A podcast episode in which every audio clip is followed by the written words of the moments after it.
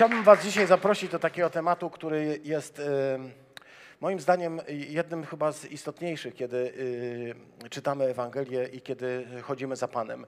Wiara czy skamienielina? Y, To taki tytuł, który troszkę y, ma oddać to, czym się dzisiaj chciałbym z Wami podzielić. Postaram się zrobić to krótko, to znaczy podzielić się krótko, żeby Was nie przytrzymywać za długo, bo już dzisiaj, dzisiejsze nabożeństwo jest naładowane róż- różnymi treściami i, i na pewno nie chodzi o to, żeby to jeszcze przedłużać. Więc pozwólcie, że przejdę od razu do czytania. Czytanie z, z dziejów apostolskich z rozdziału 13 od wiersza 38 do 42. Mężowie bracia, niech będzie wam wiadome, że to przez Niego jest wam głoszone odpuszczenie grzechów i wszystkich tych rzeczy, od których nie mogliście zostać usprawiedliwieni przez prawo Mojżesza. Każdy, kto w Niego wierzy, dostępuje usprawiedliwienia.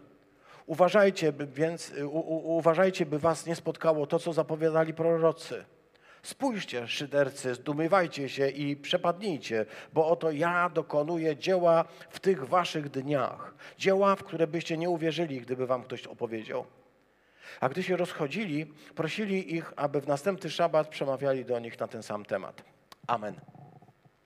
Dziękujemy Ci, Panie, za to, że dajesz nam swoje słowo jak chleb, że posyłasz je dzisiaj z nieba, by to słowo nas ożywiało, by to słowo nas dzisiaj znowu e, dawało nam e, jakiś, ym, jakąś podstawę, która pozwoli nam dalej kroczyć, y, będzie dla nas fundamentem w naszych y, dalszych działaniach, ale też i światłem w naszych sercach i radością w naszych duszach. Prosimy Ciebie, niech tak się stanie w imię Twojego Syna Jezusa Chrystusa. Amen.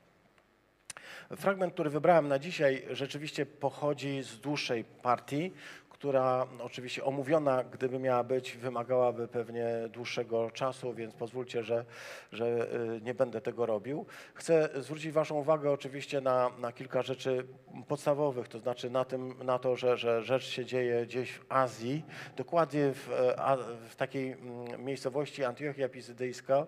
Jak widzicie, to jest Azja Mniejsza. Gdyby tu byli studenci z Turcji, to, y, z, z, z Ameryki, to musiałbym powiedzieć, że to jest, to jest e, dzisiejsza Turcja, ale Europejczykom, szczególnie Polakom, nie trzeba mówić, co to jest Azja Mniejsza. Wszyscy wiedzą, że Anatolia, czyli ten wschód, to jest po prostu e, ta część kontynentu azjatyckiego najbardziej wysunięta i zbliżona do Europy. Nazywamy ją po prostu Azją Mniejszą, bo Azja Większa to jest to wszystko pozostałe. A wiemy, że to jest sporo tego pozostałego, a to jest po prostu Azja Mniejsza.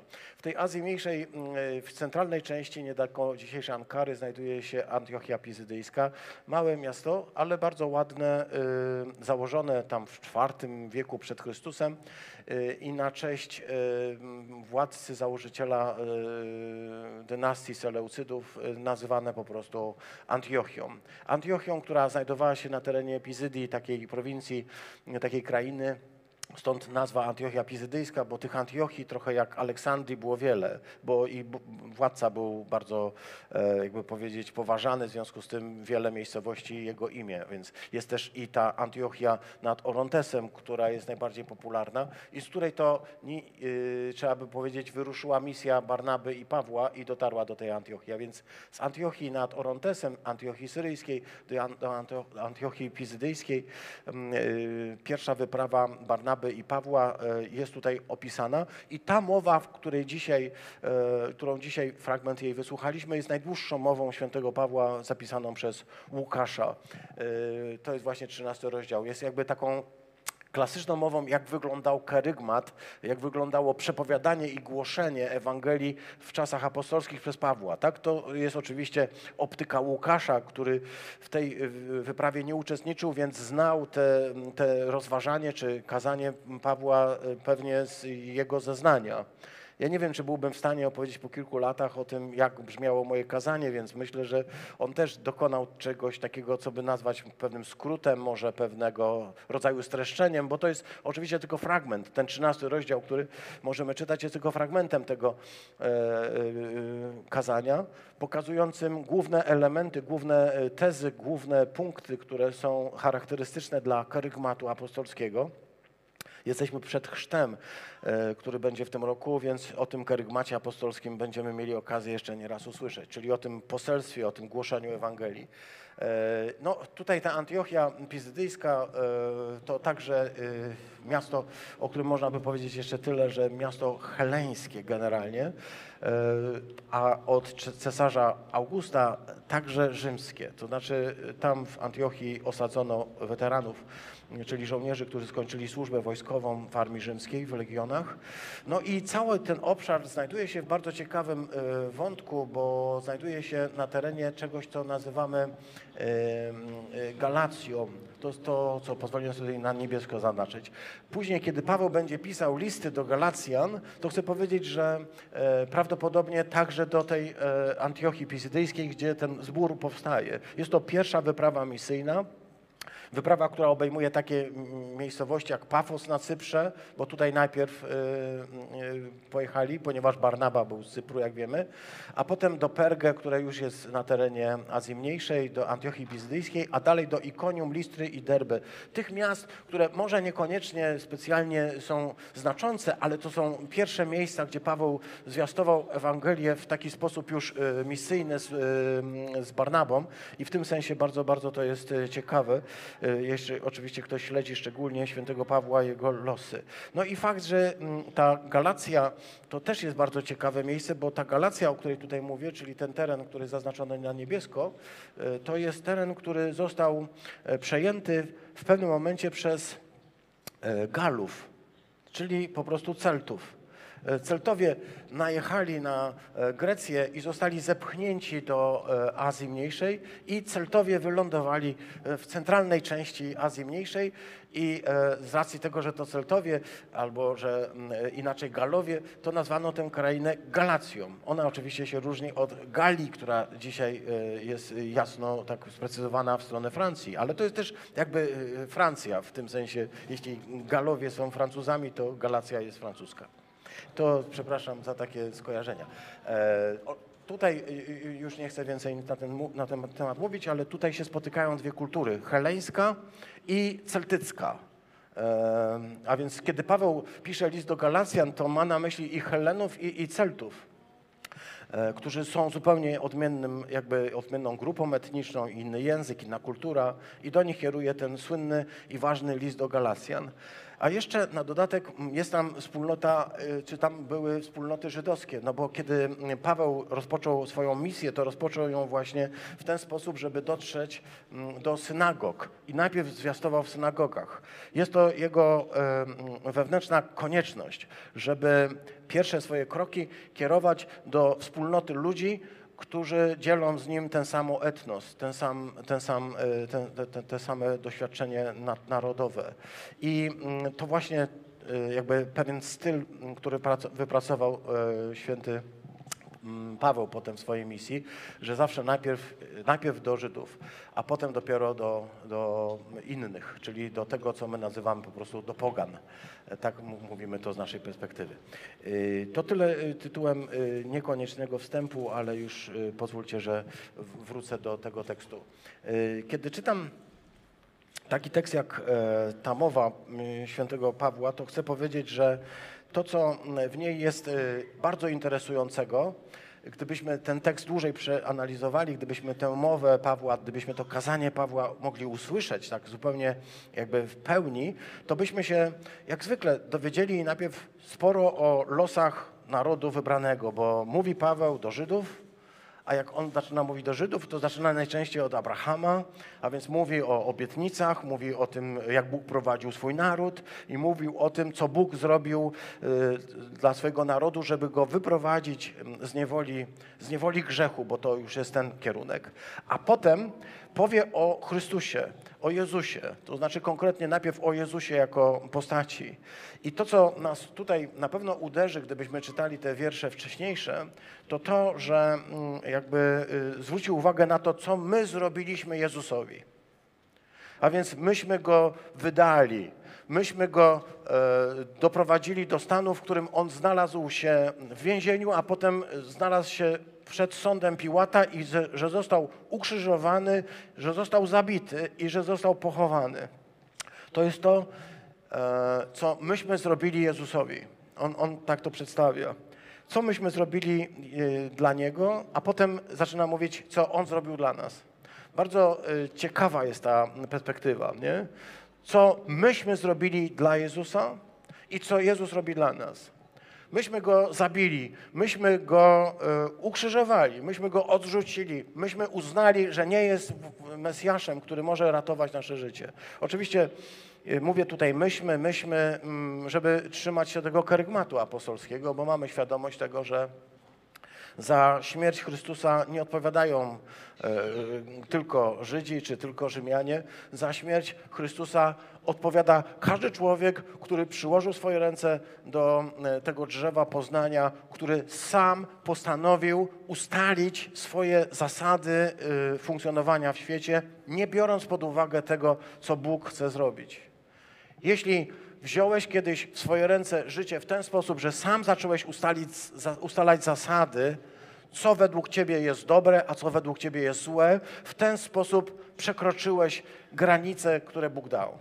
I stałeś się winny śmierci Chrystusa, który w ten sposób jest yy, ofiarą za ten grzech, którego się dopuściliśmy. Mamy świadomość więc, że to nie jest kwestia Żydów, że to nie jest kwestia Rzymian, że to jest kwestia każdego człowieka i że mogę tutaj użyć tego sformułowania myśmy, tego, e, myśmy się tego dopuścili. E, to, to jest jakby pierwsza, pierwsza część, kiedy mówimy o tym, co myśmy zrobili e, Chrystusowi, ale potem od 38 wiersza Paweł zaczyna mówić o, o, o tym, co on zrobił dla nas. I tutaj, kiedy już kończy tę część jakby poświęconą Jezusowi, e, którego ukrzyżowaliśmy, czy doprowadziliśmy do Jego śmierci, e, jakby znowu odzywa się w taki sposób oficjalny. Mężowie bracia, tak zaczyna ten tekst. Mężowie bracia. Chcę powiedzieć, że tutaj coś ważnego mam do powiedzenia, bo tak to należy interpretować. Niech będzie wam wiadome, że to przez Niego, przez Jezusa jest wam ogłoszone odpuszczenie grzechów i wszystkich tych rzeczy, do których nie mogliście, od których nie mogliście zostać usprawiedliwieni przez prawo Mojżesza. Oczywiście ten tekst y, bardzo jasno pokazuje, że Paweł mówi do Żydów i oni rozumieją, co to znaczy. Dopuściliście się grzechów, a prawo nie może wam pomóc. I tylko Chrystus Jezus może spowodować, że to, co było do tej pory przez y, y, prawo niemożliwe do wykonania, czyli do głębokiej, radykalnej przemiany człowieka, która wyprowadzi go z niewoli grzechu, tylko e, Chrystus może z tego wyprowadzić. Żyd może to rozumieć, bo e, on mówi to do Żydów e, i oni mieli sposób, Żydzi mieli sposób na to, żeby wyjść z takiego stanu grzeszności, ze stanu niewoli. Mieli doświadczenie Boga, który działał w ich historii Mieli doświadczenie Boga, który wkroczył w ich dzieje. Mieli doświadczenie Boga, który wyprowadził ich z niewoli egipskiej. Mieli doświadczenie Boga, który dał im ziemię obiecaną. Mieli doświadczenie Boga, który pozwolił im zwyciężać wrogów. Mieli doświadczenie Boga, który zawarł z nimi przymierze. Mieli doświadczenie Boga, który zawarł z nimi e, e swoje prawo i określił, co trzeba zrobić i co możesz robić, żeby być wolny. Jeśli będziesz to robił, rzeczywiście będziesz wolny. Mieli doświadczenie Boga, który, gdy Izrael zgrzeszył, e, wysłał e, swój lud do e, Babilonu. I mieli doświadczenie Boga, który ich stamtąd wyprowadził. A więc mogli powiedzieć o sobie, że są ludźmi, którzy mają bliską więź z Bogiem. A jednocześnie te ich próby, które ciągle podejmowali do przemiany, do zmiany, do tego, by stali się innymi ludźmi, okazały się niewprawne. I dlatego tutaj stoi chyba ten tekst tak mocno. Wam jest głoszone odpuszczenie grzechów i wszystkich e, tych rzeczy, od których nie mogliście zostać usprawiedliwieni przez prawo. Prawo mojżeszowe stanowiło, w jaki sposób należy postępować, by być człowiekiem wolnym, wolnym od grzechów i co trzeba zrobić, gdyby człowiek w niewolę popadł. Jakie musi zbierać ofiary, składać ofiary, jakie musi czynić y, czynności rytualne, żeby znowu stać się wolnym. Ale okazuje się, że wszystko to, co prawo stanowi, człowiek wiedząc, znając to prawo, nie jest w stanie jego y, jakby wprowadzić w czyn. Więcej okazuje się, że, że prawo doskonałe i święte nie jest w stanie ostatecznie człowiekowi pomóc. I to jest prze, y, jakby główny, główny cel tego zwiastowania. I to wszyscy doskonale wiemy. Podkreślam to y, nie dlatego, żeby odkryć jakąś zupełnie nową rzecz, bo absolutnie to jest coś podstawowego dla chrześcijanina, ale po to, żeby dojść do tego, co tutaj jest y, powiedziane dalej. Do tego, co czytamy. Uważajcie, by was, e, przepraszam, każdy, kto w niego wierzy, dostępuje usprawiedliwienia. To jest, znaczy, powoduje, że uzysk, uzyskujesz statut, status człowieka sprawiedliwego. E, dzisiejsze moje doświadczenie w czasie, w czasie uwielbiania, kiedy, e, kiedy się modliliśmy, kiedy śpiewaliśmy, modliłem się też w ten sposób, że jest dla mnie jakimś przedziwnym, e, przedziwną rzeczą, której, którą nie zawsze sobie uświadamiam ale dzisiaj chciałbym ją wyartykułować, że święty Bóg, Stwórca Wszechświata, ale ten czysty, święty, doskonały, chce zamieszkać między nami. Nie tylko chce, ale zamieszkuje między nami. Kim jesteśmy, siostry bracia, że ten święty Bóg, który brzydzi się wszelkim złem, który jest e, w całkowitej opozycji wobec zła, który, którego nie można splamić niczym, zechce zamieszkać z takimi ludźmi jak, jak my. Kim jest ten święty Bóg, że takie miejsce jak to nie jest dla niego przeszkodą, żeby tutaj zamieszkać? Kim jest ten święty Bóg, żeby wybrać mnie i ciebie, zwykłych ludzi, do tego, żeby uczynić z nas e, swoją świątynię i żebyśmy stali się miejscem Jego obecności? Mówimy o Nim święty, mówimy o Nim doskonały, mówimy o Nim wspaniały, mówimy o Nim wszechmogący. I ten wszechmogący Bóg wybrał sobie mnie, wybrał sobie Ciebie, wybrał sobie nas, byśmy stali się ludźmi e, pełniącymi rolę świątyni, miejscem przebywania Jego chwały. Jak to możliwe? Tylko dlatego, że każdego, kto wierzy w Jezusa Chrystusa, uznaje za usprawiedliwionego. Jeśli uwierzyłeś, że Jezus jest Panem, że jest Synem Boga, że jest posłanym przez Boga Ojca ratunkiem, jeżeli temu Chrystusowi oddałeś swoje życie i zawierzyłeś swój los, jeśli w Niego całym sercem uwierzyłeś i Mu zaufałeś, możesz być pewien, że zostajesz uznany za sprawiedliwego, bez względu na to, czego się dopuściłeś.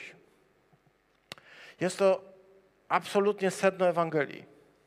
Bez względu na to, jaka jest Twoja przeszłość, bez względu na to, czego dokonałeś, jak się działy, jak się toczyły Twoje losy.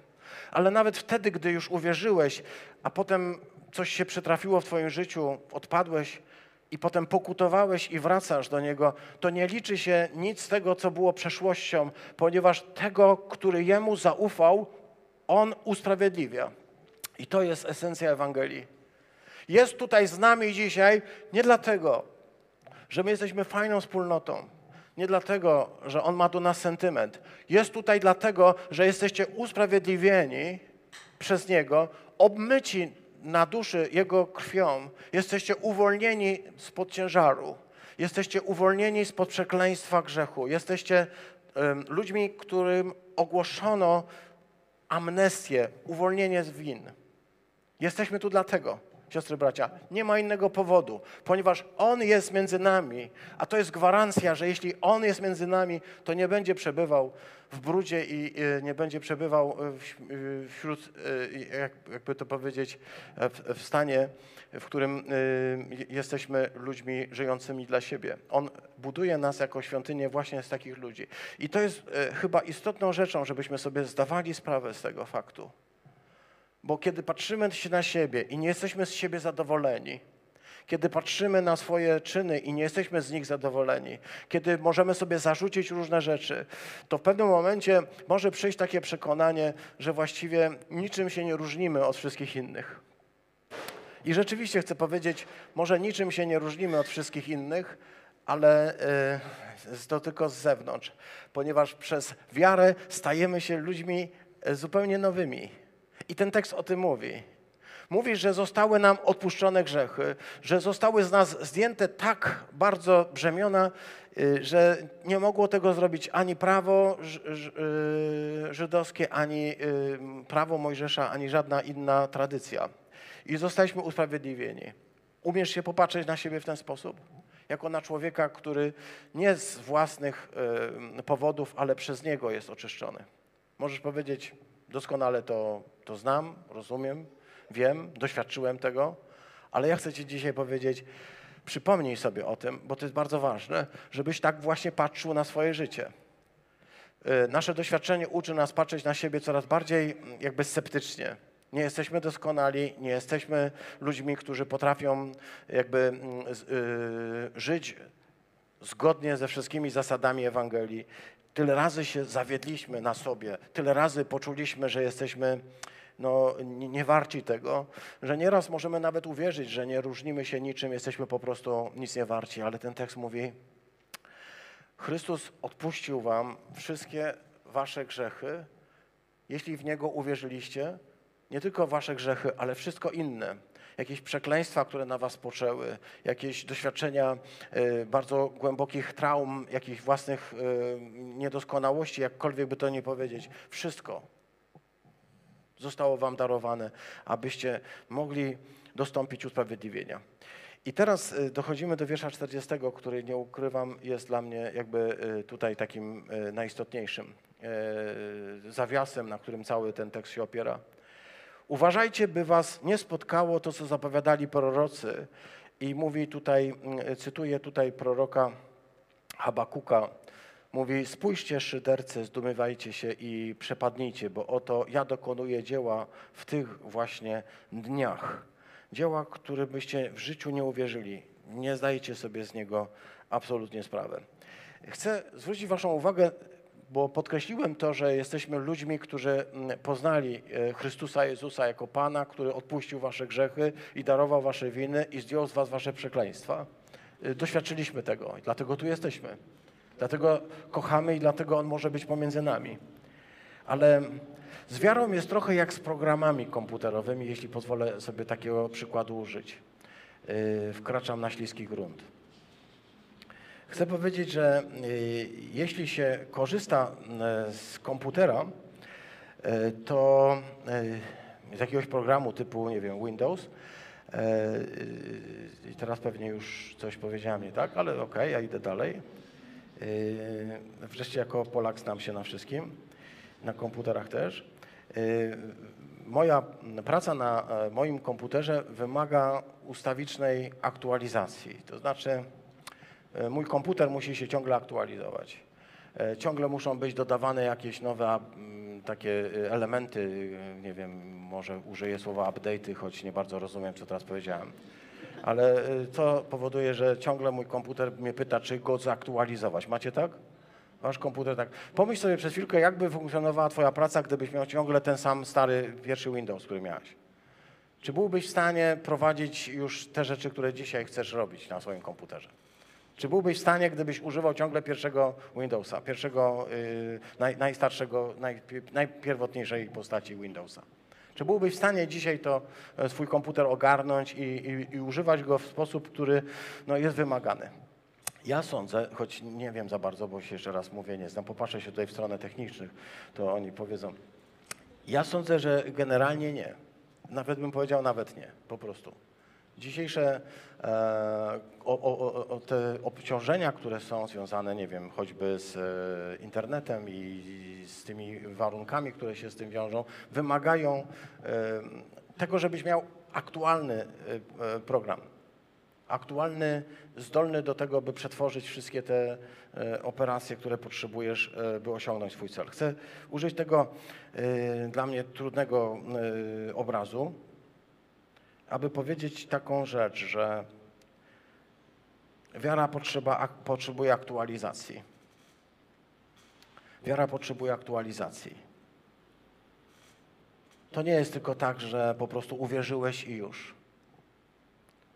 Wiara potrzebuje aktualizacji ko- konkretnie codziennie. Potrzebujesz e, do, do, codziennie, żeby się e, coś w Twoim sercu aktualizowało. Nawet więcej Ci powiem. Jeśli to się nie będzie aktualizować, to w pewnym momencie staniesz się po prostu e, tworem kopalnym, skamienieliną. Kimś, kto w, może odpowiedzieć, że w przeszłości było tam jakieś życie. W przeszłości coś się, coś się działo. Gdzieś tam tkwiło życie. W tej skorupie coś było. Ale ona już jest od tysięcy lat po prostu kawałkiem kamienia i żadnego życia w niej nie ma. Chrześcijanin byłby, e, jakby powiedzieć, e, byłoby może fajnie myśleć sobie, że od po prostu uwierzyłeś i już. Ale zwrócę Waszą uwagę na, na rzeczy, które kiedyś miałem okazję wspominać, a więc na zdania Augustyna z Hipony i naszego poety z lat 30. Jerzego Liberta. Augustyn powiedział tak: Raz wybrawszy, na wieki wybierać muszę. A y, ładniej to przedstawił y, ten poeta Jerzy Liberta w, w wierszu Jeździec z 1934 roku. To jest czterozwrotkowy wiersz, a ja przeczytam tylko czwartą zwrotkę. Jedno wiem, innych objawień nie potrzeba oczom i uszom. Uczyniwszy na wieki wybór, w każdej chwili wybierać muszę. Tak powiedział. Przywołałem ten wiersz kilka lat temu, więc to może jest powtórzenie, ale mm, pozwólcie, że się chwilkę nad nim, nad nim zastanowimy, bo on mówi dokładnie o tym, o czym powiedział Paweł do tych Żydów. Żydzi w Antiochii Pizydyjskiej znali dokładnie prawo, znali dokładnie Mojżesza i wiedzieli, co Bóg od nich, czego Bóg od nich oczekuje. Prawda? I nieraz się człowiekowi wydaje, także nam, ludziom wierzącym, że skoro myśmy kiedyś oddali życie Bogu, kiedy myśmy kiedyś uwierzyli w, w Chrystusa, to znaczy, że wszystko, co się miało wydarzyć, już się wydarzyło i teraz tylko musimy po prostu jakoś przetrzymać do końca życia. Ale taka postawa powoduje, że kamieniejemy. Moglibyśmy na to dać wiele różnych przykładów. Kamienio, kamień, kamienie, nie, nie. To chyba to tak należy od, od tak chyba należy to powiedzieć. Kamienie, nie, nie. Y, To znaczy y, mój czajnik ma na przykład. Uży, używam e, czajnika, leję wodę, a on, czajnik się kamienie, nie, nie. Mhm. I e, to powoduje, że ja nie wrzucam tam kamieni, a one się tam pojawiają. Z jakiego powodu?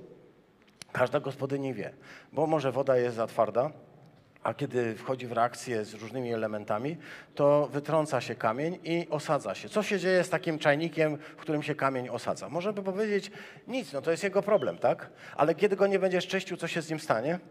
Co się stanie, gdy nie będziesz czyścił swojego czajnika, który zakamienie, nie, nie? Zrobi się ciężki, to jest jedna rzecz, ale zrobi się chyba coś jeszcze. Przestanie po prostu działać. Ostatecznie ten kamień stanie się izolatorem, który spowoduje, że przestanie działać. Przestanie działać, a dopóki jeszcze będzie działał, to będzie działał bardzo wolno, będzie potrzebował bardzo dużo energii, żeby nagrzać tę y, wodę, bo po prostu nie będzie, no bo będzie ten izolator, który się tworzy. Znowu mówię o rzeczach, do których się nie znam. Jeśli teraz będę miał po nabożeństwie kilka rozmów z, tych, y, z, y, no, z przyjaciółmi. Ale jeśli nie- pomyliłem niczego, jeśli to się zgadza, co mówię, to chcę powiedzieć tak, jeśli używasz wody, jeśli używasz jej, to wiedz, że no w wypadku naszej, którą mam y, tutaj w okolicach Fromborka, y, ona jest na tyle ciężka, że, że czajnik jej po prostu kamienie nie, nie. I nic na to nie możesz zrobić. Możesz coś tak zrobić, żeby je po prostu, ten czajnik co jakiś czas potraktować czymś ostrym, na przykład octem. Jak używasz octu, tak, i będziesz to czyścił octem, to oczywiście on się, on się oczyści i będziesz mógł znowu go używać. Chcę powiedzieć o aktualizacji.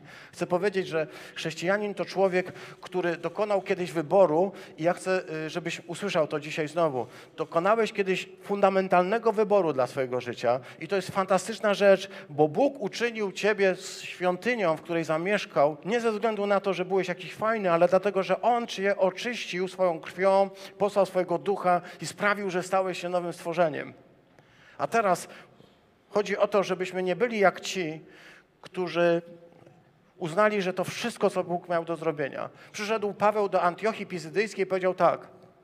Znacie Abrahama, znacie Dawida, macie y, wyobrażenie o dziejach, y, które Bóg czyni, ale teraz chcę Wam powiedzieć, Bóg zrealizował swoje wszystkie plany, posyłając ostatecznie swojego Syna, którego myśmy zabili, ale który dla nas i dla naszego zbawienia stał się ratunkiem i dzięki któremu zostały odpuszczone nam nasze grzechy, zostały darowane nasze winy i zdjęte z nas nasze przekleństwa.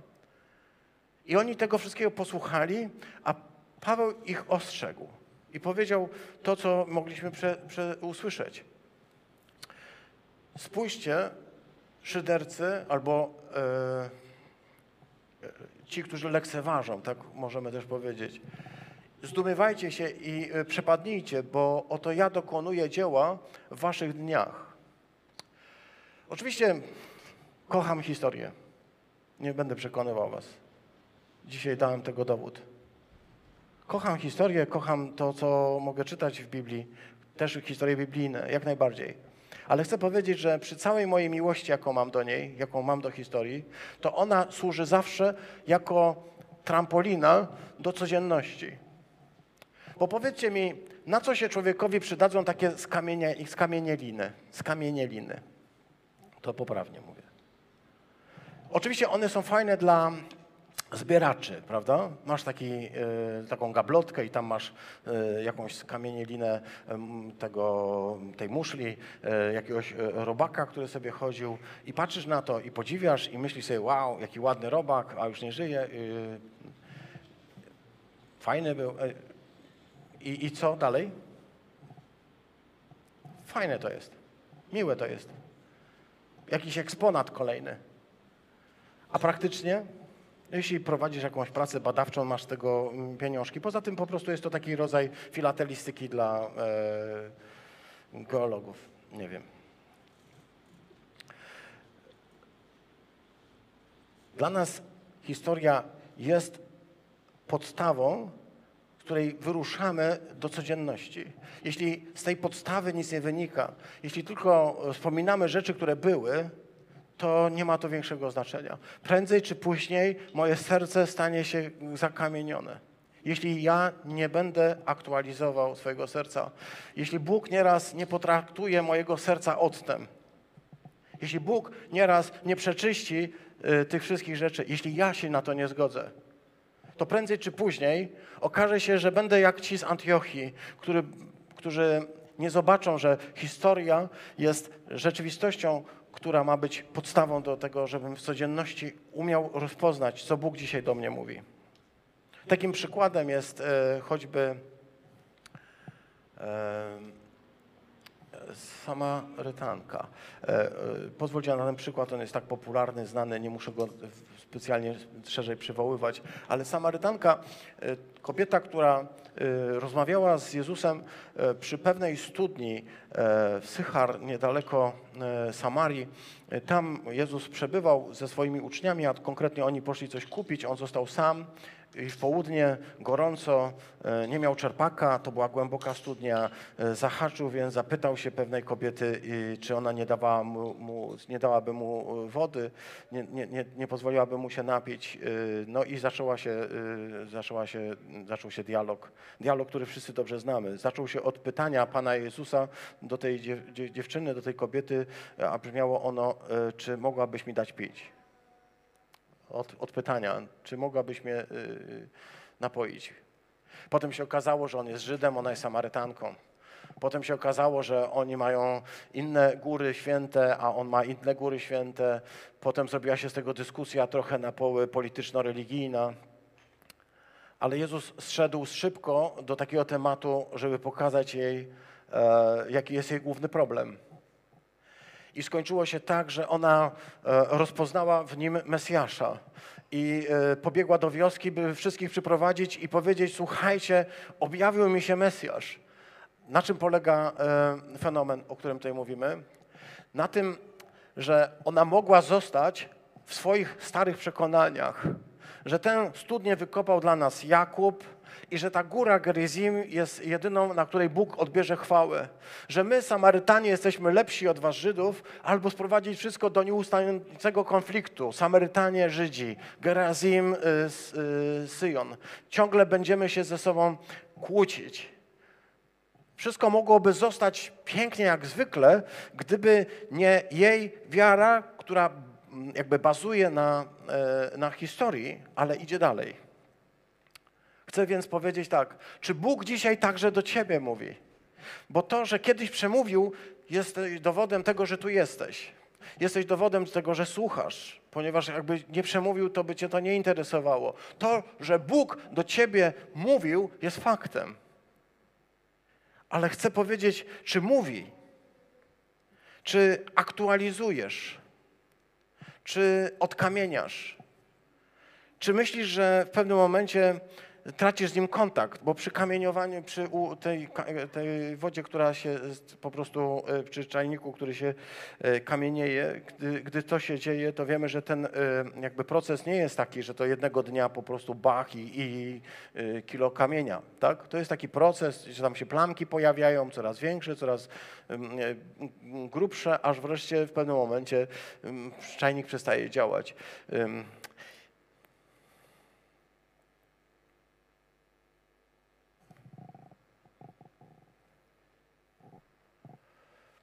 My właśnie głosimy Wam dobrą nowinę, powiedział e, Paweł w tym miejscu.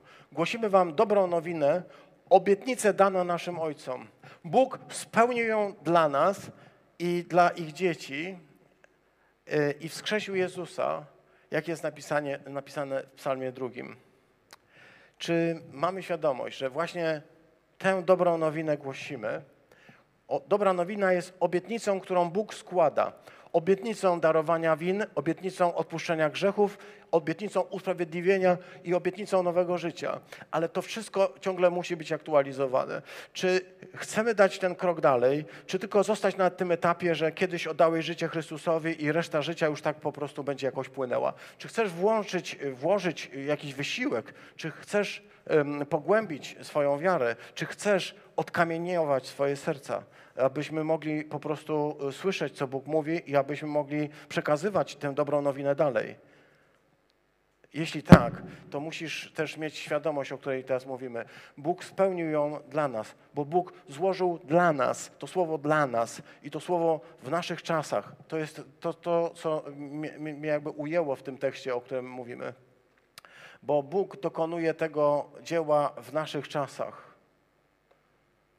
Istnieje takie niebezpieczeństwo, by te czasy, w których żyjemy, uznać za trudne, ale właśnie w tych czasach Bóg dokonuje swojego dzieła. Nie tylko po to nas zbawił, byśmy przez te czasy mogli przejść, ale także po to, byśmy mogli w tych czasach, właśnie w tych trudnych czasach, być światłem, być solą, być wskazówką, być latarnią dla ludzi, którzy go nie znają. Czy jesteśmy gotowi? Czy tak jak ci z Antiochii powiedzą, posłuchamy cię za tydzień. I wiecie, co się stało za tydzień? Za tydzień się zeszła cała e, grupa ludzi, którzy powiedzieli, a my cię już słuchać nie chcemy. Wygonili go i e, przepędzili do innego miasta. My już nie chcemy cię więcej słuchać. Rozmyśleliśmy sobie i wolimy zostać.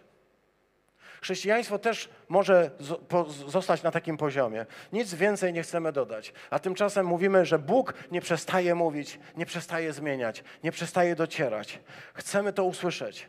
Chcę być człowiekiem, który słyszy Jego głos, który idzie za Jego e, słowem, który idzie za Jego wskazaniem, który nie chce się zatrzymać w historii. Jeżeli, jeżeli chcesz, to dołącz. Idźmy razem. Musisz się liczyć z tym nieraz, że Bóg potraktuje ciebie octem, żeby cię odkamienić. Ale to tylko po to, żebyś go lepiej słyszał. Jeśli więc doświadczasz trudnej rzeczy, to wiedz, że one są właśnie po to, żeby oczyścić twój, twoje uszy, twój umysł, może twój jęzor, może twoje łapy, może twoje ręce. Nieraz Bóg takie rzeczy robi, ale po to, żebyś był lepszym przewodnikiem, żebyś mógł przewodzić i przekazywać dalej. Więc nie narzekaj, jeśli cię coś spotyka, jeśli cię coś złego traktuje. Nie narzekaj, bo to jest właśnie sposób na to, żeby nas oczyścił. I podejmij decyzję dzisiaj. Nie mów może za tydzień. Za tydzień przyjdą inni cię przekonają. Słuchaj, zostańmy tu, gdzie jesteśmy. Tu jest bezpiecznie. Tu zawsze tak było. Tu zawsze tak jest. Dzisiaj chciałbym Was zaprosić do takiej modlitwy. Do takiej modlitwy, w której nie zgadzamy się na to, żeby było po prostu mm, kamiennie. Nie chcemy skamienić. Chyba, że ktoś miałby taką chęć. Nawet nie będę pytał. Nie chcemy być ludźmi, którzy są tylko skamienialinami z przeszłości, chrześcijanami kopalnymi, ludźmi, których można wydobywać i e, eksponaty tworzyć. Chcemy być żywi, ożywieni przez Pana Boga. Zapraszam do, do modlitwy. Powstańmy.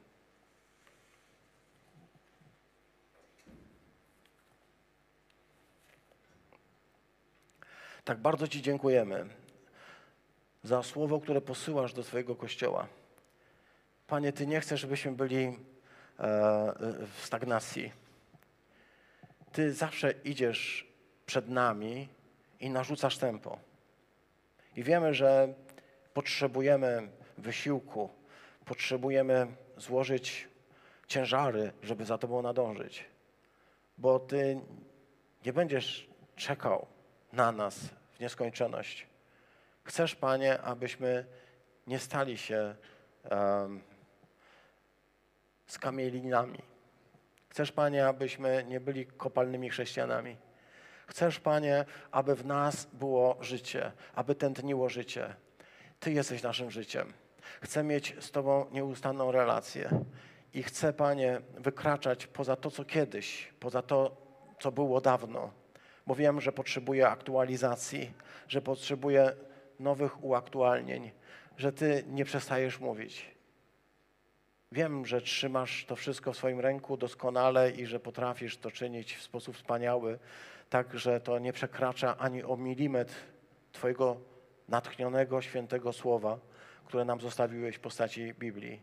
Ale wiem, że chcesz przemawiać, chcesz nas poruszać, chcesz, abyśmy byli ożywieni. Dlatego dzisiaj proszę Ciebie, Panie, o mnie, o, o siebie proszę, ale też o Kościół, o moich braci, o moje siostry, o tych, którzy dzisiaj potrzebują odkamienienia serca, którzy potrzebują dzisiaj nowego uaktualnienia, żeby nie pozostali na tym, co było w przeszłości, żeby nie trzymali się przeszłości, ale Ciebie się trzymali, idącego, żyjącego i y, prowadzącego nas do domu Ojca. Panie, proszę Ciebie, pozwól nam zobaczyć, że te doświadczenia i próby, że ten ocet w naszym życiu służy temu, by nas oczyszczać i sprawić, byśmy znowu mogli odebrać to, co jest istotą Ewangelii. Jako Twoi uczniowie, Twoje córki, Twoi synowie, jako Twoja świątynia, w której Ty chcesz mieszkać. Oddaję Ci na nowo swoje życie, bo raz dokonawszy wyboru, na wieki chcę wybierać. Chcę dzisiaj znowu powiedzieć: Jesteś moim Panem. Chcę dzisiaj na nowo oddać Ci moje życie. Chcę dzisiaj na nowo ofiarować Ci moje serce i prosić, abyś do nas mówił. Prosił, abyś mówił do mnie, prosił, abyś mówił do każdego brata i siostry, abyś przemawiał, abyśmy mogli Cię usłyszeć, abyśmy mogli Cię zobaczyć, abyśmy mogli uwierzyć głęboko i iść dalej. Abyśmy się nie zatrzymali, nie zakorzenili w tym świecie, ale ruszyli za Tobą. O to Cię dzisiaj proszę dla Twojego Kościoła. Proszę Cię za moich braci i siostr. Panie, abyśmy się nie rozsiadali wygodnie w kanapach, abyśmy się nie rozsiadali wygodnie w naszym życiu, ale abyśmy pamiętali, że jesteśmy pielgrzymami, którzy wędrują za Tobą. Panie, chcemy mieć czyste, żyjące serca, nie kamienne, nie mieć żadnych za, zamkniętych serc, które e, wszystko wiedzą, ale takich, które są żyjące i otwarte na Ciebie. Prosimy Cię, Panie, abyś nas oczyszczał i nas przeprowadził przez ten czas.